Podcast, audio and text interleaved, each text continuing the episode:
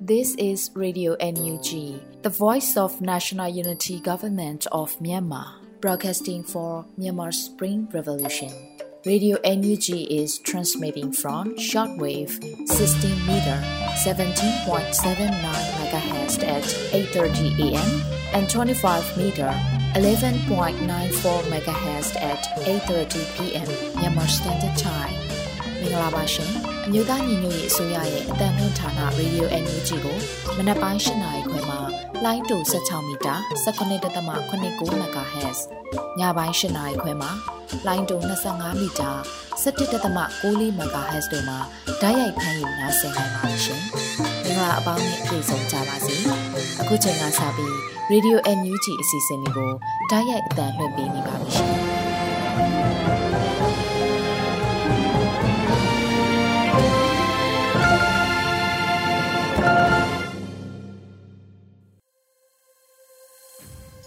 မြန်မာနိုင်ငံသူနိုင်ငံသားအပေါင်းတဘာဝပြီးစစ်အာဏာရှင်ဘေးတို့ကနေကင်းဝေးပြီးဘေးကင်းလုံခြုံကျန်းမာကြပါစေလို့ဗီဒီယို UNG အဖွဲ့သားများကဆုတောင်းမြတ်တာပို့သလာရပါတယ်ရှင်ဒီကနေ့2024ခုနှစ်မတ်လ3ရက်နေ့ရေဒီယို UNG ရဲ့မနက်ပိုင်းစီစဉ်များကိုစတင်ထုတ်လွှင့်ပေးပါတော့မယ်ရှင်ပထမဆုံးအနေနဲ့ရေဒီယို UNG ရဲ့စစ်ရေးသတင်းကောင်းထုတ်ချက်ကို ရန်နိုင်မှဖက်ကြားတင်ဆက်ပေးမှာဖြစ်ပါတယ်ရှင်။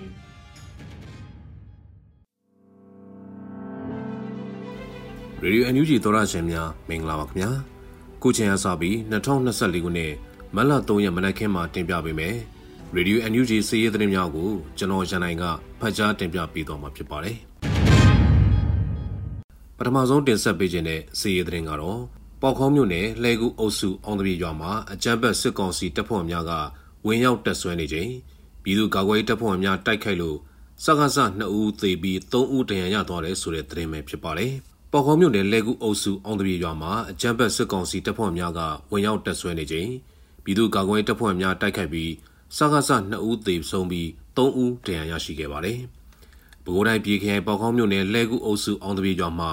အကြမ်းဖက်စစ်ကောင်စီတပ်ဖွဲ့များကဝင်ရောက်တက်ဆွဲနေချိန်ပြည်သူ့ကာကွယ်ရေးတပ်ဖွဲ့များရဲ့တိုက်ခိုက်မှုကြောင့် အောင်တပြေရွာအနောက်မြောက်ဘက်ဂျော်ဒန်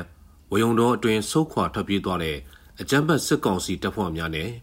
မလတရနေ့ညနေ9:15မိနစ်အချိန်မှာတိုက်ပွဲဖြစ်ပွားခဲ့ပါတယ်။တိုက်ပွဲမှာပြည်ခရိုင်ပြည်သူ့ကာကွယ်ရေးတပ်မတော်3632 PDF တပ်ရင်းတပ်ခွဲ3ပြည်ခရိုင်ပြည်သူ့ကာကွယ်ရေးတပ်မတော်3631 PPDF တပ်ရင်းတပ်ရင်းစစ်ကြောင်းရွှေတောင်ပေါခေါင်းပကဖနဲ့ဆက်လက်တိုက်ပွဲဖြစ်ပွားခဲ့ရမှာ၎င်းတို့ဘက်က2ဦးနေရာမှာပဲသေဆုံးခဲ့ပြီး 3ဦးဒဏ်ရာရရှိသွားတယ်လို့သတင်းရရှိပါတယ်။အကြံမဲ့စစ်ကောင်စီများဘက်မှလက်နက်ကြီးလက်နက်ငယ်များနဲ့ပြန်လည်တိုက်ခတ်မှုကြောင့်ပြည်သူ့ကာကွယ်ရေးတပ်ဖွဲ့ဝင်ရဲဘော်တအူးအပြင်းထန်ဒဏ်ရာရရှိပြီးအသက်အန္တရာယ်မစိုးရင်ရဘူးလို့ဆိုပါတယ်ခင်ဗျာ။အခုဆက်လက်ပြီး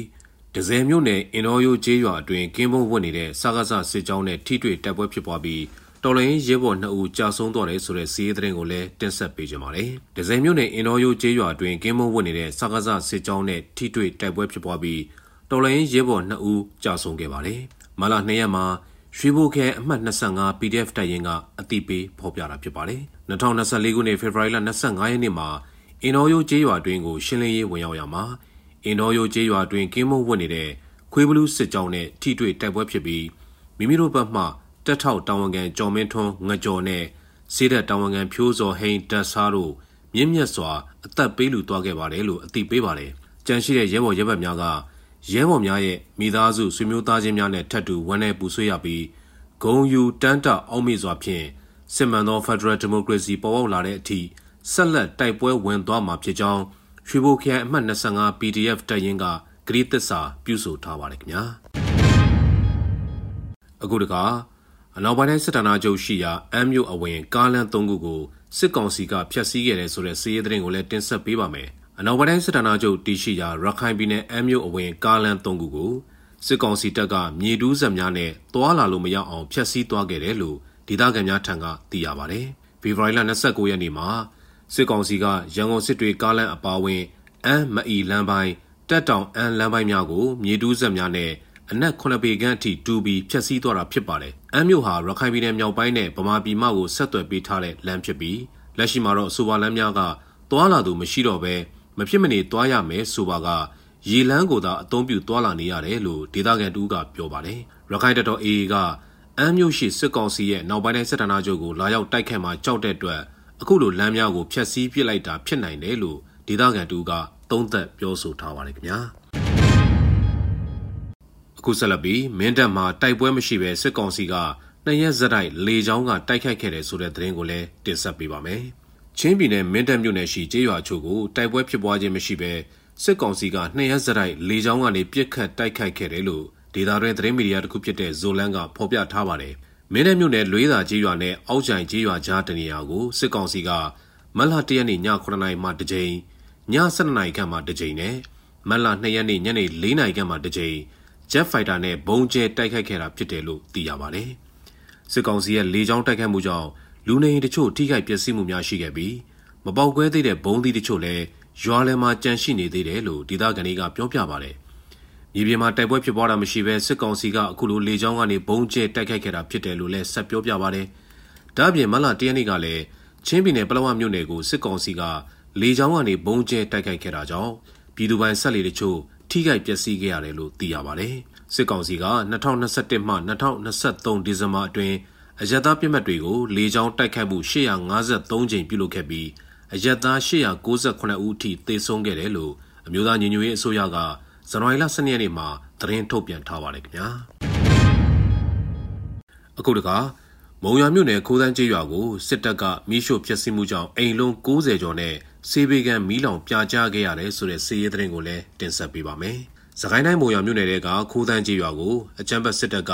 မီးရှို့ဖျက်ဆီးခဲ့တာကြောင့်နေအလုံး90ကျော်အပါအဝင်စေဘေကန်ပါမီးလောင်ပြာကျခဲ့တယ်လို့ဒေတာရင်းသတင်းရင်းမြစ်တွေကပြောပါတယ်။မုံရွာမြို့အခြေဆိုင်နောက်မြောက်တိုင်းစစ်တနာချုပ်နမခကနေထွက်လာတဲ့အကြမ်းဖက်စစ်တပ်စစ်ကြောင်းဟာမလတရနေ့မနက်အစောပိုင်းမှာမင်းတဲကြီးရွာကတဆင့်ခိုးတန်းကြီးရွာကိုတနက်များပစ်ဖောက်ပြီးဝင်ရောက်စီးနှင်ခဲ့က ပြည်သူပိုင်နေများကိုမီးရှို့ဖျက်ဆီးခဲ့တယ်လို့သိရပါတယ်။အဲဒီမီးရှို့ဖျက်ဆီးမှုကြောင့်စေးဘေးကန်အပါဝင်အိမ်65လုံးမီးလောင်ဆုံးရှုံးခဲ့ရပြီးဒေသခံပြည်သူတွေထိခိုက်ဒဏ်ရာရတာမရှိဘူးလို့ဒေသခံတွေကပြောပါတယ်။မုံရွာမြို့အခြေဆိုင်နောက်မြောက်တိုင်းစစ်ဌာနချုပ်အနီးကကျေးရွာတွေကိုအကြမ်းဖက်စစ်တပ်ကစစ်ကြောင်းနှစ်ခုနဲ့ဖေဖော်ဝါရီလကုန်ပိုင်းကစပြီးစစ်ကြောင်းထိုးမီးရှို့ဖျက်ဆီးနေတာဖြစ်ပါတယ်။နမခကထွက်လာတဲ့ကျမ်းပတ်စစ်တပ်စစ်ကြောင်းဟာမုံရွာမြို့နယ်နဲ့ဘူးတလင်မြို့နယ်အဆက်မှာရှိတဲ့ ဗရုံဇီးတော်စတဲ့ကြီးရွာတွေကိုစစ်ကြောင်းထိုးမီးရှို့ဖျက်ဆီးနေသလိုကျောင်းစစ်ဘုံအမြောက်တပ်ကထွက်လာတဲ့စစ်ကြောင်းကလည်းမုံရွာမြို့ရှေ့မြောက်ဘက်မှာရှိတဲ့ဘူးတောင်ကန်ကံပြားတဲကြီးကုန်းပေကုန်းစတဲ့ကြီးရွာတွေကိုမီးရှို့ဖျက်ဆီးနေတယ်လို့ဒေသခံပြည်သူတွေစီကသိရပါတယ်ခင်ဗျာအခုနောက်ဆုံးတင်ဆက်ပေးခြင်းတဲ့စီးရီးသတင်းကတော့ဘူးတလင်ရဲစခန်းမှဒူးတက်ချက်စစ်သားတအူလက်နက်ခဲယမ်းများနဲ့အတူအလင်းဝင်ရောက်လာတဲ့ဆိုတဲ့သတင်းပဲဖြစ်ပါတယ်။ စကိုင်းနယ်ဘူးတလင်မြို့မှရဲစခန်းကိုရောက်ရှိနေတဲ့ဒူးတက်ချက်စစ်သားတအူလက်နက်ခဲယမ်းတွေနဲ့အတူအလင်းဝင်လာတယ်လို့ဘုံရွာခန်အမှတ်20တပ်ရင်း BOB Battalion of ဘူးတလင်အဖွဲ့ထံကနေသိရပါတယ်။အဆိုပါဒူးတက်ချက်ဟာဖေဖော်ဝါရီလ29ရက်နေ့မှာ BOB အဖွဲ့ထံချိတ်ဆက်ပြီး MA1 Max 2တလက် MAG အတောင့်420 MAG ပေါက်6ခုအီနာက2000တို့ယူဆောင်လာခဲ့တယ်လို့ဆိုပါတယ်အသက်35နှစ်အရွယ်ရှိတဲ့အဲ့ဒီစစ်သားဟာ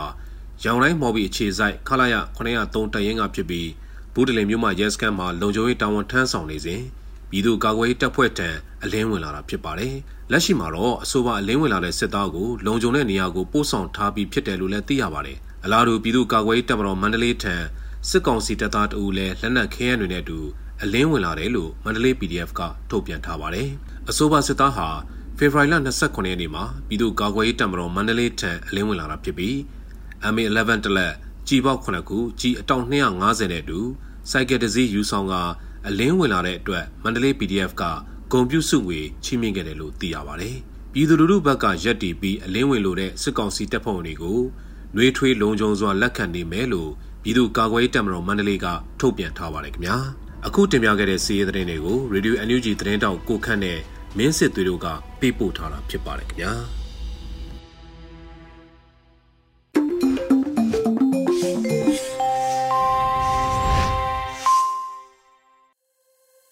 ရေဒီယိုအယူဂျီသောတာရှင်များရှင်ဆက်လက်ပြီးရေဒီယိုအယူဂျီရဲ့နောက်ဆုံးရပြည်တွင်သတင်းများကိုနှွေဦးမိုင်မှဆက်လက်တင်ဆက်ပေးမှာဖြစ်ပါတယ်ရှင်မင်္ဂလာမနက်ခင်းပါရှင်အခုချိန်ကစပြီး Radio UNG ရဲ့မတ်လ3ရက်နေ့မနက်ခင်းပြည်ရင်းတင်များကိုတင်ပြပေးပါရမယ်။ကျွန်မကတော့နှွေးမိုင်းဖြစ်ပါတယ်ရှင်။မြန်မာပြည်ဒီမိုကရေစီရရှိရင်နဲ့ထိုင်းမြန်မာနယ်စပ်လုံခြုံရေးအပေါ် အကျိုးသက်ရောက်မှုဆွေးနွေးပွဲထိုင်းနိုင်ငံဘန်ကောက်တွင်စတင်တဲ့တဲ့ရင်ကိုဥစွာတင်ပြပေးပါမယ်။ မြန်မာပြည်ဒီမိုကရေစီရရှိရင်နဲ့ထိုင်းမြန်မာနယ်စပ်လုံခြုံရေးအပေါ်အကျိုးသက်ရောက်မှုဆွေးနွေးပွဲထိုင်းနိုင်ငံဘန်ကောက်တွင်စတင်ခဲ့ပါတယ်။မတ်လ2ရက်နေ့မှ3ရက်နေ့အထိနှစ်ရက်တာအဆိုပါဆွေးနွေးပွဲကိုကျင်းပသွားမှာဖြစ်ပါတယ်။မတ်လ2ရက်နေ့ဆွေးနွေးရာတွင်အွန်လိုင်းကနေ UNG နိုင်ငံချိုင်းဝင်ကြီးဒေါ်စင်မအောင်ဦးဆောင်ဆွေးနွေးပြောကြားခဲ့တယ်လို့သိရပါတယ်။ဒီဆွေးနွေးမှုအစီအစဉ်ကိုထိုင်းလွှတ်တော်ကော်မတီတစ်ခုကစီစဉ်ခဲ့တာဖြစ်ပြီး အွန်လိုင်းကနေဆွေးနွေးကြမယ့်အခုအစီအစဉ်ကိုမြန်မာပြည်ဒီမိုကရေစီရရှိရင်နဲ့ထိုင်းမြန်မာနယ်စပ်လုံခြုံရေးအပေါ်အကျိုးသက်ရောက်မှု toward a democratic Myanmar and its impact on security along Thai border လို့အမည်ပေးထားပါတယ်။ဆွေးနွေးပွဲကိုတန်အမတ်ကြီးဦးကျော်မိုးထွန်းကအွန်လိုင်းမှာတဆင့်တက်ရောက်တာဖြစ်ပါတယ်ရှင်။ဆက်လက်ပြီးရခိုင်ဒေသမှာစစ်ကောင်စီကျူးလွန်ခဲ့တဲ့ရာဇဝတ်မှုတွေရဲ့တက်တည်တစ်ခုတိုင်းဟာ နိုင်ငံတကာဥပဒေအရအရေးယူဖို့ကြိုးကွန်းတစ်ခုစီဖြစ်တယ်လို့လူခွင့်ရေးဆိုင်ရာဝန်ကြီးဆိုတဲ့တင်ကိုတင်ပြပါမယ်။ရခိုင်ဒေသမှာစစ်ကောင်စီကျူးလွန်ခဲ့တဲ့ရာဇဝတ်မှုတွေရဲ့တစ်တည်တစ်ခုတိုင်းဟာနိုင်ငံတကာဥပဒေအရအရေးယူဖို့ကြိုးကွန်းတစ်ခုစီဖြစ်တယ်လို့လူခွင့်ရေးဆိုင်ရာဝန်ကြီးဦးအောင်မျိုးမင်းကမတ်လ2ရက်မှာဆိုရှယ်မီဒီယာမှာဖော်ပြထားပါတယ်။အကြမ်းဖက်စစ်အုပ်စုဟာလေကြောင်းတိုက်ခိုက်မှုနဲ့စစ်ရာဇဝမှုကျူးလွန်ခဲ့တာကနေအခုရခိုင်ဒေသမှာတော့ ရေတက်ကနေပါလက်နက်ကြီးတွေနဲ့ပုံမှုပစ်ခတ်နေပါတယ်။ကြီးရေလေအင်အားတွေသုံးပြီးကျိုးလွန်မှုတွေကိုအထောက်ထားတွေရရှိထားပါတယ်။သူတို့ကျိုးလွန်ခဲ့တဲ့ရာဇဝတ်မှုတွေရဲ့တစ်တည်တစ်ခုတိုင်းဟာသူတို့ကိုနိုင်ငံတကာဥပဒေအရအရေးယူဖို့ကြိုးကွင်းတစ်ခုစီဖြစ်တယ်ဆိုတာအသိပေးလိုပါတယ်လို့ဝင်းကြီးကဆိုပါတယ်။2024ခုနှစ်ဖေဖော်ဝါရီလ29ရက်နေ့နနက်၈နာရီ10မိနစ်ခန့်ချိန်တွင်ဖက်စစ်အကြမ်းဖက်စစ်ကောင်စီရစ်တက်စစ်တင်မောတစည်းပေါ်မှစစ်တွေမျိုး ကိုရီးယားစိတ်ကမ်းစီအတွင်းသို့လက်နက်ကြီးဖြင့်ပစ်ခတ်တိုက်ခိုက်ခဲ့မှုကြောင့်အပြစ်မဲ့ပြည်သူ၁၂ဦးသေဆုံးခဲ့ပြီးအပြင်းစားဒဏ်ရာရသူ32ဦးအလက်စားအသေးစားဒဏ်ရာရသူ90နီးပါးထိရှိကစုစုပေါင်း80ဦးခန့်ထိခိုက်ဒဏ်ရာရရှိခဲ့ကြလို့ရခိုင်တပ်တော် AA ကသတင်းထုတ်ပြန်ခဲ့ပါတယ်ရှင်စီးပွားလုပ်ငန်းသုံးအင်္ဂလိပ်စာသင်တန်းဖွင့်ပွဲခမ်းနားပြည်ထောင်စုဝန်ကြီးဒေါက်ခင်မမမျိုးတက်ရောက်တဲ့သတင်းကိုတင်ပြပေးပါမယ်။ အမျိုးသားရင်ငွေရေးအစိုးရစီးပွားနဲ့ကုသရေးဝန်ကြီးဌာန Myanmar Institute of Economy, Commerce and Industry MIECI မှ CDM ဝန်ထမ်းများနဲ့ CDM ကျောင်းသားကျောင်းသူများ CDM ဝန်ထမ်းများ၏တာသမီများအတွက်ရည်ရွယ်၍ဖွင့်လှစ်သည့်စီးပွားရေးလုပ်ငန်းသုံးအင်္ဂလိပ်စာသင်တန်းဖွင့်ပွဲခမ်းနားကိုမတ်လ၁ရက်နေ့ကျင်းပခဲ့ပါတယ်။ခမ်းနားသို့ပြည်ထောင်စုဝန်ကြီးများအတွင်းဝင်များစီးပွားရေးလုပ်ငန်းရှင်များသက်ဆိုင်ရာဌာနတည်တည်မှတာဝန်ရှိပုဂ္ဂိုလ်များ CDM ဝန်ထမ်းများနဲ့ CDM ကျောင်းသားကျောင်းသူများပါဝင်တက်ရောက်ခဲ့ပါတယ်။ပထမဦးစွာအမျိုးသားရင်ငွေရေးအစိုးရ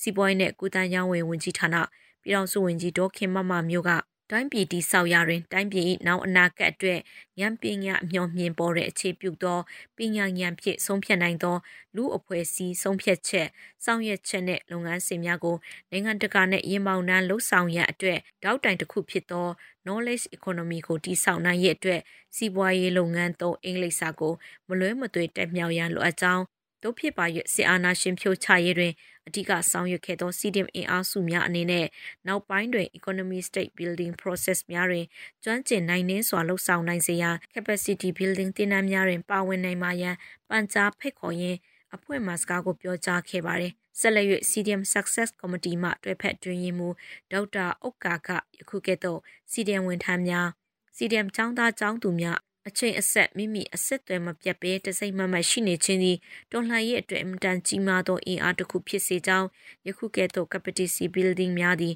တိုင်းပြည်ပြန်လည်ထူထောင်ရာတွင်အဓိကလူသားရင်းမြစ်များဖြစ်လာမည့်အတွက်တော်လှန်ရေးအင်အားစုများချင်းချင်းဆက်လက်ချိတ်ဆက်၍မိမိတို့ကျွမ်းကျင်ရာများကိုဆက်လက်လေ့လာပြီးတော်လှန်ရေးအလုပ်များကိုတစိုက်မမတ်လုပ်နေခြင်းသည်လွန်စွာအရေးကြီးသည့်အတွက်အင်မတန်ဂုဏ်ယူရကြောင်းပြောကြားခဲ့ပါသည် ဆက်လက်၍တင် जा ပေးမိတင်နန်းဆရာမှယခုကဲ့သို့စီဒီအန်ဝန်ထမ်းများចောင်းသားចောင်းသူများစွာကိုတင် जा ပေးရမည့်အတွက်ဝမ်းသာဂုဏ်ယူမိပါကြောင်းနဲ့တဆွမ်းသမျှတင် जा ပေးသွားမည်ဖြစ်ကြောင်းပြောကြားခဲ့ပါရရှင်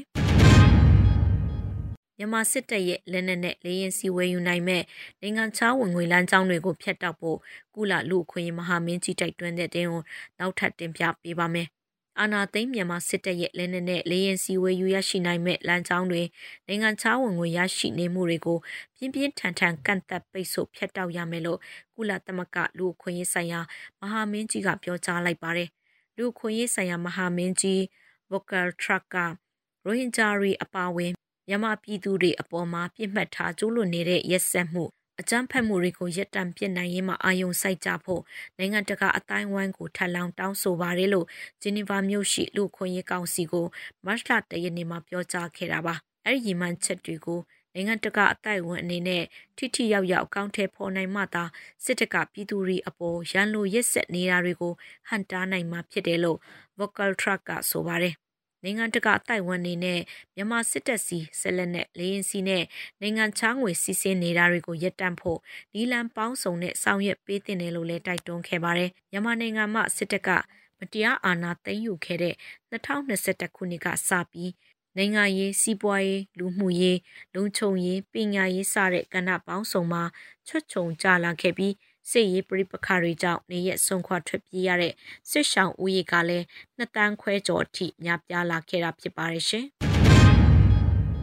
ထိုင်းလွှတ်တော်တွင်မြန်မာပြည်သူများခံစားနေရသောဒုက္ခများကိုအမှုပညာပြခန်းများဖြင့်ပထမဆုံးအကြိမ်ပြသမယ့်တရင်ကိုတင်ပြပါမယ်။ထိုင်းနိုင်ငံဘန်ကောက်မြို့မှာရှိတဲ့လွှတ်တော်မှာမြန်မာပြည်သူတွေခံစားနေရတဲ့ဒုက္ခတွေကိုအမှုပညာပြခန်းများဖြင့်ပထမဆုံးအကြိမ်ပြသထားပါတယ်။ မြန်မာပြည်သူတွေရဲ့နေထိုင်မှုပုံစံနဲ့နေဆက်တလျှောက်မှာရှိတဲ့စစ်ဘေးရှောင်တွေရဲ့အသုံးဆောင်ပစ္စည်းတွေကိုအမှုပညာလက်ရပြခန့်အနေနဲ့ပြသထားတာဖြစ်ပါတယ်။ဒီအမှုပညာပြခန်းကိုထိုင်းနိုင်ငံအခြေစိုက် NGO ဖွဲ့စည်းတစ်ခုဖြစ်တဲ့ Spirit in Education Movement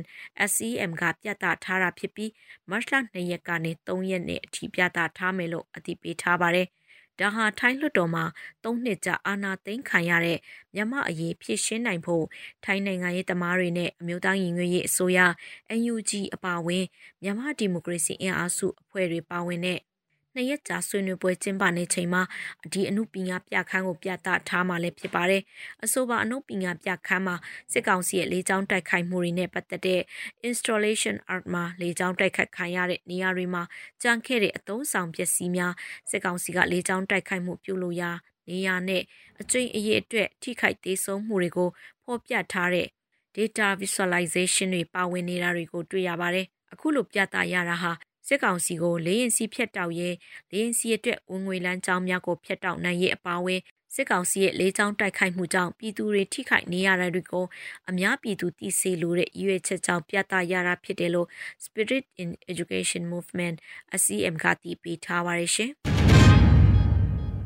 စစ်ကောင်စီဟာစစ်မှုထမ်းဥပဒေကိုအသုံးချပြီးလူမျိုးရေးဘာသာရေးသွေးထိုးလှုပ်ဆော်ခြင်းလူမျိုးဆိုချင်းချင်းတိုက်ခိုက်ရန်အားပေးနေမှုများကျူးလွန်နေကြောင်း ရခိုင်အမျိုးသားအဖွဲ့ချုပ်ရခိုင်တပ်တော်ကသတိပေးချက်ထုတ်ပြန်တဲ့သတင်းတင်ပြပါမယ်။ရခိုင်အမျိုးသားအဖွဲ့ချုပ်ရခိုင်တပ်တော်ကသတိပေးထုတ်ပြန်ချက်တရက်ကိုမတ်လ2ရက်ရက်စွဲဖြင့်ထုတ်ပြန်ကြေညာလိုက်ပါတယ်။ရခိုင်တပ်တော်နေဖြင့်မိဘပြည်သူများလူထုများ၏ငြိမ်းချမ်းမှုအေးချမ်းမှုလွတ်မြောက်မှုနဲ့တရားမျှတမှုများရရှိရန်အတွက်အမျိုးသားလွတ်မြောက်ရေးတိုက်ပွဲကိုပြည်သူလူထုတရက်လုံးနဲ့လက်တွဲပြီးဆောင်ရွက်လက်ရှိပါကြောင်းရခိုင်နဲ့ပလက်ဝစစ်မြေပြင်များ၌ အရှုံးဖြင့်ရင်ဆိုင်နေရသည့်အကြမ်းဖက်စစ်ကောင်စီသည်၎င်းတို့၏ကြီးမားသောစစ်ရေးရှုံးနိမ့်မှုများအားလူမျိုးရေးအမုန်းတရားဖြင့်ပုံကွယ်ရန်ရုံးမှစွာစ조사နေမှုများကိုလွန်ခဲ့သောရက်ပိုင်းလပိုင်းများတွင်ပုံမထင်ရှားစွာတွေ့မြင်လာခဲ့ပြီးရခိုင်နီလာမြအတိုင်းရခိုင်နှင့်မွတ်စလင်အတိုင်းဝိုင်းကြားလူမျိုးရေးဘာသာရေးပြိပခဖြစ်စေရန်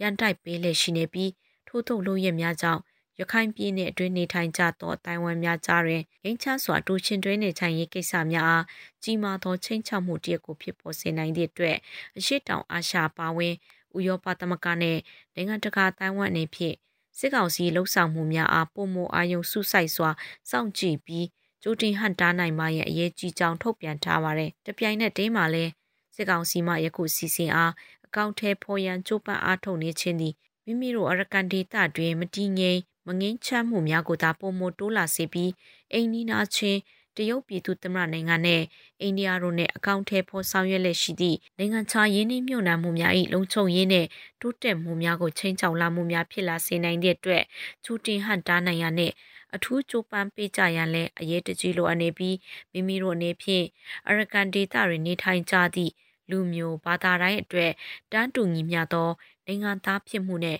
လူအခွင့်အရေးတို့ကိုရရှိနိုင်ရန် ကြိုးပမ်းအားထုတ်သွားမည်ဖြစ်ပြီးမိတ်ဆွေမွတ်စလင်အတိုင်းဝမ်အနေဖြင့်လည်းတမိုင်းဤမှန်ကန်သောဘက်တွင်ယက်တီကြရန်အကြံပြုတိုက်တွန်းမှကြောင်းရခိုင်မျိုးသားအဖွဲ့ချုပ်ရခိုင်တပ်တော်၏သဘောထားကိုလေးနက်စွာထုတ်ပြန်အပ်ပါသည်ဟုထုတ်ပြန်ချက်တွင်ပါရှိပါရရှင်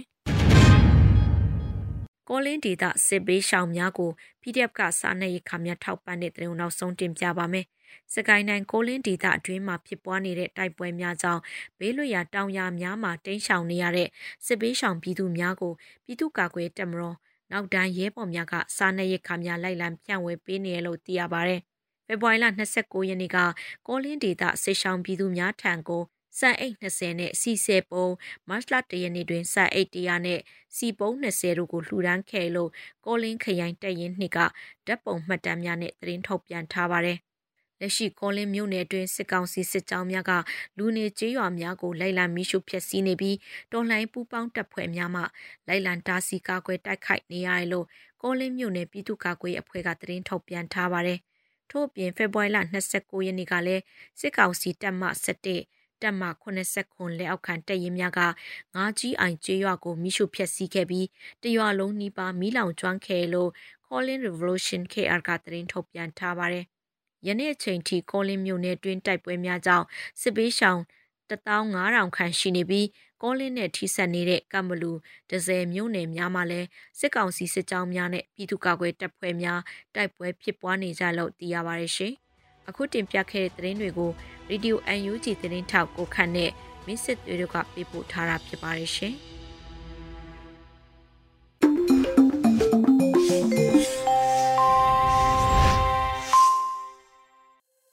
ရေဒီယိုအယူဂျီမှဆက်လက်တင်ပြနေပါတယ်ရှင်။ယခုတဖန် PVTV ရဲ့နေ့စဉ်သတင်းများကို Rain မှာဖတ်ကြားတင်ဆက်ပေးမှာဖြစ်ပါတယ်ရှင်။အခုချိန်ကစပြီး PPTV သတင်းတွေကိုတင်ဆက်ပေးသွားမှာပါကျွန်မရိမပထမဆုံးအနေနဲ့တင်ဆက်ပေးသွားမှာကတော့ရန်ကုန်တိုင်းရှိမြို့နယ်ပြည်သူ့အုပ်ချုပ်ရေးအဖွဲ့များအား Office Management Skill Training ဖွင့်လှစ်ပို့ချပေးနေတဲ့သတင်းဖြစ်ပါတယ်။ အမျိုးသားညွရေးအစိုးရပြည်ထောင်နယ်လူမှုကြီးကြပ်ရေးဝန်ကြီးဌာနမှဦးဆောင်ကရန်ကုန်တိုင်းရှိမြို့နယ်ပြည်သူ့အုပ်ချုပ်ရေးအဖွဲ့များအား Office Management Skill Training ကိုမလတရက်မနက်7:00နာရီမှာဖွင့်လှစ်ပို့ချခဲ့ပါတယ်။အဆိုပါ Office Management Skill Training ကိုမလတရက်နဲ့2ရက်မှာ2ရက်ဆက်တိုက်ပြုလုပ်သွားမှာဖြစ်ပါတယ်။ အဆိုပါတင်နန်းမှာမြို့နယ်ပြည်သူ့အုပ်ချုပ်ရေးအဖွဲ့ဝင်များအားတင်နန်းဆရာဆရာမများကစည်ရင်ပြုစုထိမ့်သိမ်းမှုများရုံးလုံအပိုင်းဆိုင်ရာဘာသာရပ်များကိုတင် जा ပို့ချသွားမှာဖြစ်တယ်လို့ပြည်ထောင်နယ်လူမှုကြီးကြပ်ရေးဝန်ကြီးဌာနကသတင်းထုတ်ပြန်ထားပါတယ်။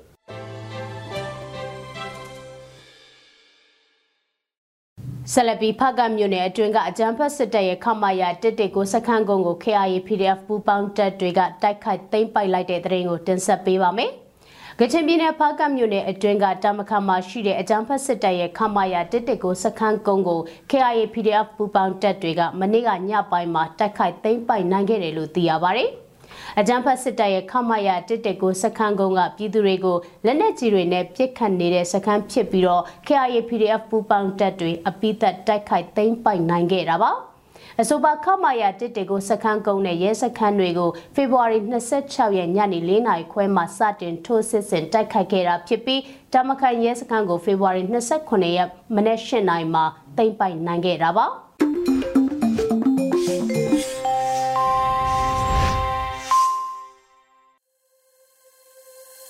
ဆက်လက်ပြီး Radio UNG ရဲ့တိုင်းသားဘာသာစကားအစီအစဉ်အနေနဲ့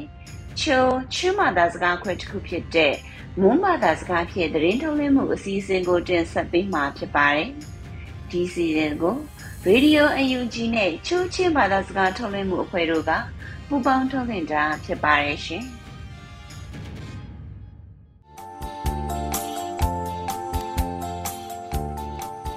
ဖိနောက်တူနမတိုင်နော်အတူငွေ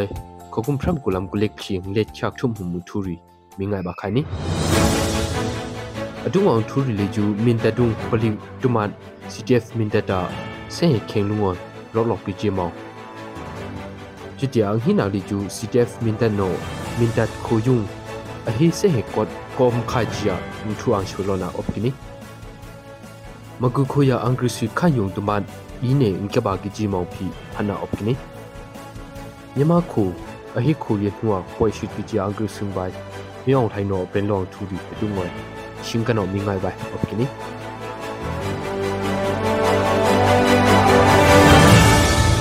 လင်တမောင်ရောအင်္ဂရိစီကူကာပလင်ဘူမူကာဒူမတ်ဆဲရီယွန် CDF မင်တတာရောလော်ကီချီယန်လက်ခါအန်ဟူပရစ်ကိနီ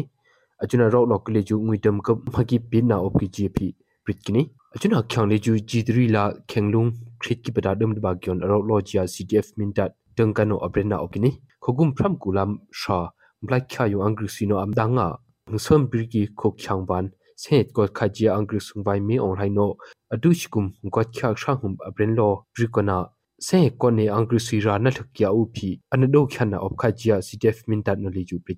င်လောပရီကနာစေကိုနေအင်္ဂရိစီရာနထကျာဥဖီအနဒိုခနာအော့ခါဂျီယာစီတက်မင်တတ်နိုလီဂျူပရစ်ကနီ minda khoyung ctf minda no ak changna ka se kod riyong kanok poisi u phi se he ri kon ne se su na bum na ka bi vai chia ctf minda no kot kham kulik ko hup thung shogini chutia ctf minda mphring pai khaya bune ne bi ke u phi mkan na op kha chia achuna apren na kung opkini kot kha kulik ko hum CTF minda comedy la CTF minda dungka ngwairi aming re na kung achuna me hap we che phi apren na kung opkini tuba khro khinu khyo khoyung ka kya se ko tuma la tuma aning la kung ngtung re na ria khana phi ayuna opkijia CTF minda no le ju pretkini magoi kho membu khopang salin mang ro yung angri suya khan yung tuma nkya ba ne mino uina opkijia yang kung khitti no pretkini ngkwacha ngkuleku khonghup danga salin mangro chuwan piro hikyam sung danga achuna angrusia khan yong ju dine angkyak chia hana opkini achuna khan yong le ju makui ungka kene aye pho angkyak chi le ju kam phala achuna khan yong jumlok kya pain lop le ju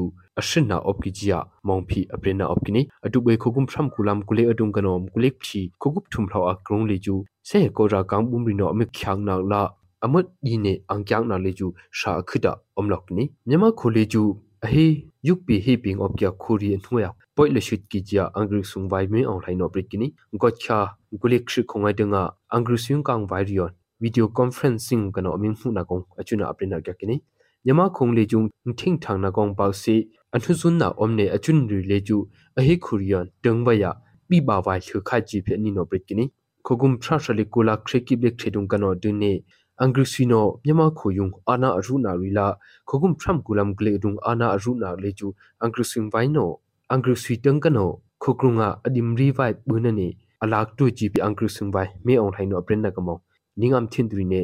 အတုငွေထူမင်းငါလေကျူအရှင်ဘန်ကြခါနီမြန်မာခုကရုံလာချိုခုံနိမြောက်ကြချိုဇက်ချန်ရင်ဘန်အယောတီစီနာအင်အိုင်နာရီအယောမိုင်နေနေဘုံခွနမကျင်းနဆကြရှင်ကနောပရင်ထနီနုပါဖိနာဘန်ရိုင်းနေအမ်ဘာ ခကုမ်တန်စီမဝခိုယုံခေငလုကပွိုင်ရီဖွာခေငအကဒမ်အစနာအလင်နာအပကိနီလမ်မိုင်းစလာကက်ဆက်ထေကျခေငလုံရီလေကျူအန်လုံကဒန်ဦးနေအန်ရှူ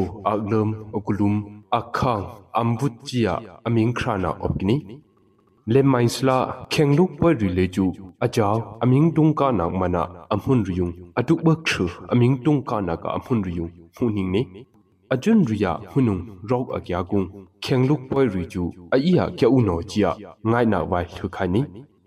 kek sak thi kia khengluk poi ri la lem main suri yap na ro ro na sungon taw na miom khi na ri kabi vai